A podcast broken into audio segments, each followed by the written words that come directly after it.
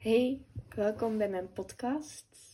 Amai, ja, podcast. Uh, alleen, niemand gaat het echt luisteren, maar het is meer voor mezelf eigenlijk. Ik heb mijn haren vastgedaan, zodat mijn haar niet in de microfoon van mijn AirPods komt, die eigenlijk van mijn papa zijn.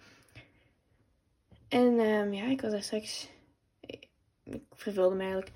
Dus ik had opgezocht op het internet welke woorden er uh, begonnen met een F. Gewoon zo ja, ik heb wel in mijn hoofd dat ik een podcast wou maken. ik wil dat echt al een tijdje doen. Dus ik heb dat opgezocht.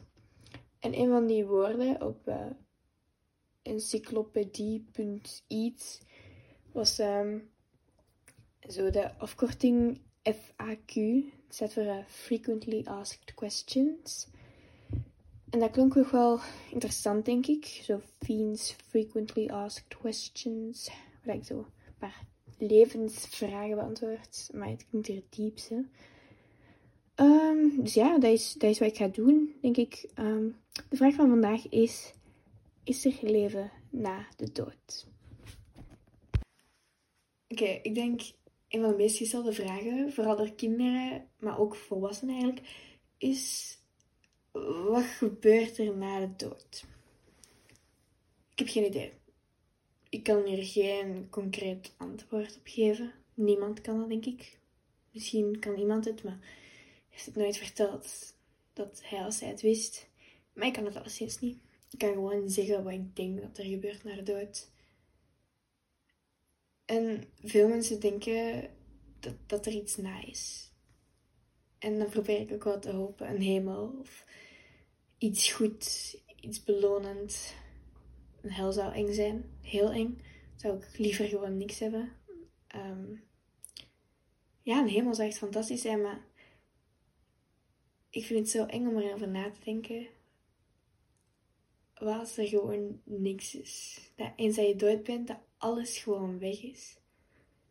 En dat, ja, dat, dat er niks meer is, dan kan je zelfs niet na... Je kan daar niet over nadenken, want dan kan je ook niet nadenken, want dan ben je er gewoon niet. En het klinkt heel narcistisch en egoïstisch dat ik, mezelf, dat ik het mij gewoon niet kan inbeelden dat ik er ooit niet meer ben. Dat ik ooit geen gedachten meer heb, dat niemand mij nog ziet. Fysiek, maar ook in het hart. Op die manier. En dat is gewoon een hele rare gedachte. Dat er niks meer is.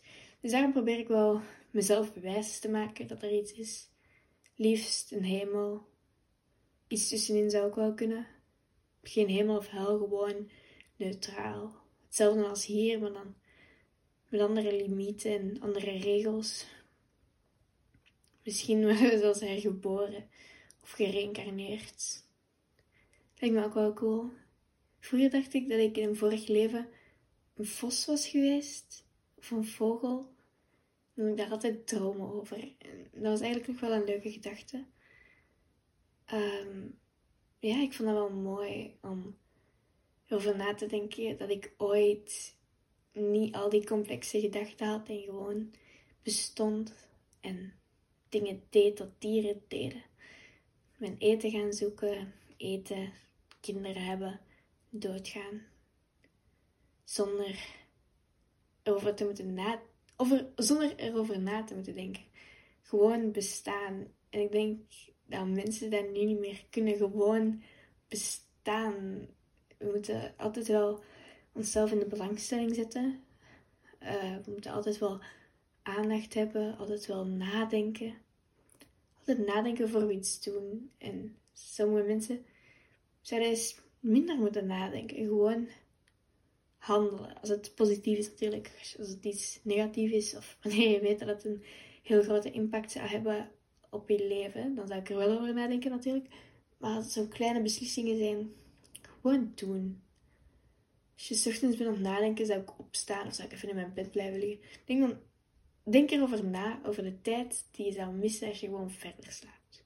Die slaap kan je inhalen, maar dat moment dat je wakker bent en dingen doet, dat je op dat moment zijn normaal gezien niks doen. Dus de dingen die je op dat moment doet zijn zo speciaal en maken het echt wel anders. Zelf doe ik ochtends Ik ben echt een luie zak eigenlijk. Ik zit gewoon in de zetel. Maar ja, heel soms, echt, soms heb ik zo het gevoel dat ik productief ben in de ochtend.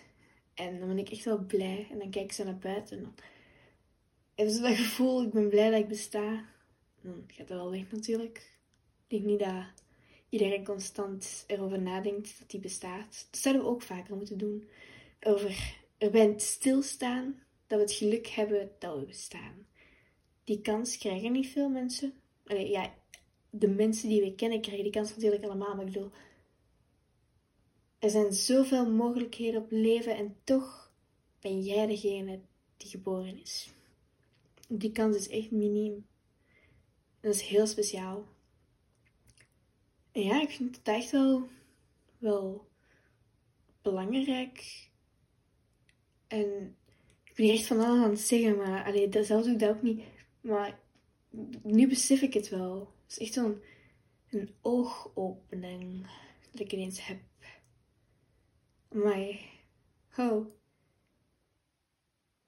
Ik denk, het leven kan echt elk moment stoppen. Ik zou nu ineens van mijn bureaustoel kunnen vallen en mijn nek op een verkeerde manier, ja, op, mijn, op een verkeerde manier op mijn nek vallen en dood zijn. Dat kan echt elk moment gebeuren. Er kan hier ineens een man door mijn deur gaan wandelen met een pistool of zo. Alleen je weet dat echt nooit. En ik denk dat je echt wel moet genieten van je leven. En het, maakt allemaal niet uit wat er is na de dood. Ik denk dat het meer uitmaakt wat er is tijdens het leven.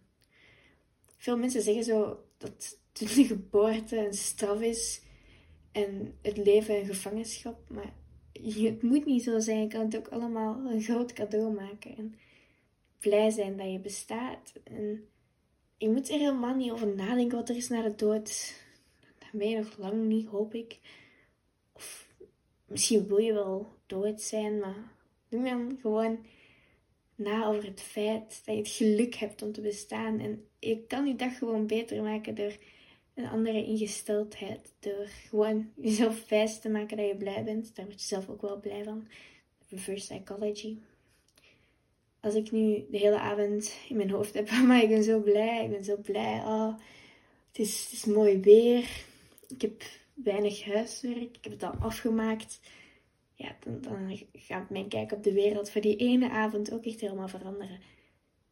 En ja, leven na de dood wat maakt het eigenlijk uit?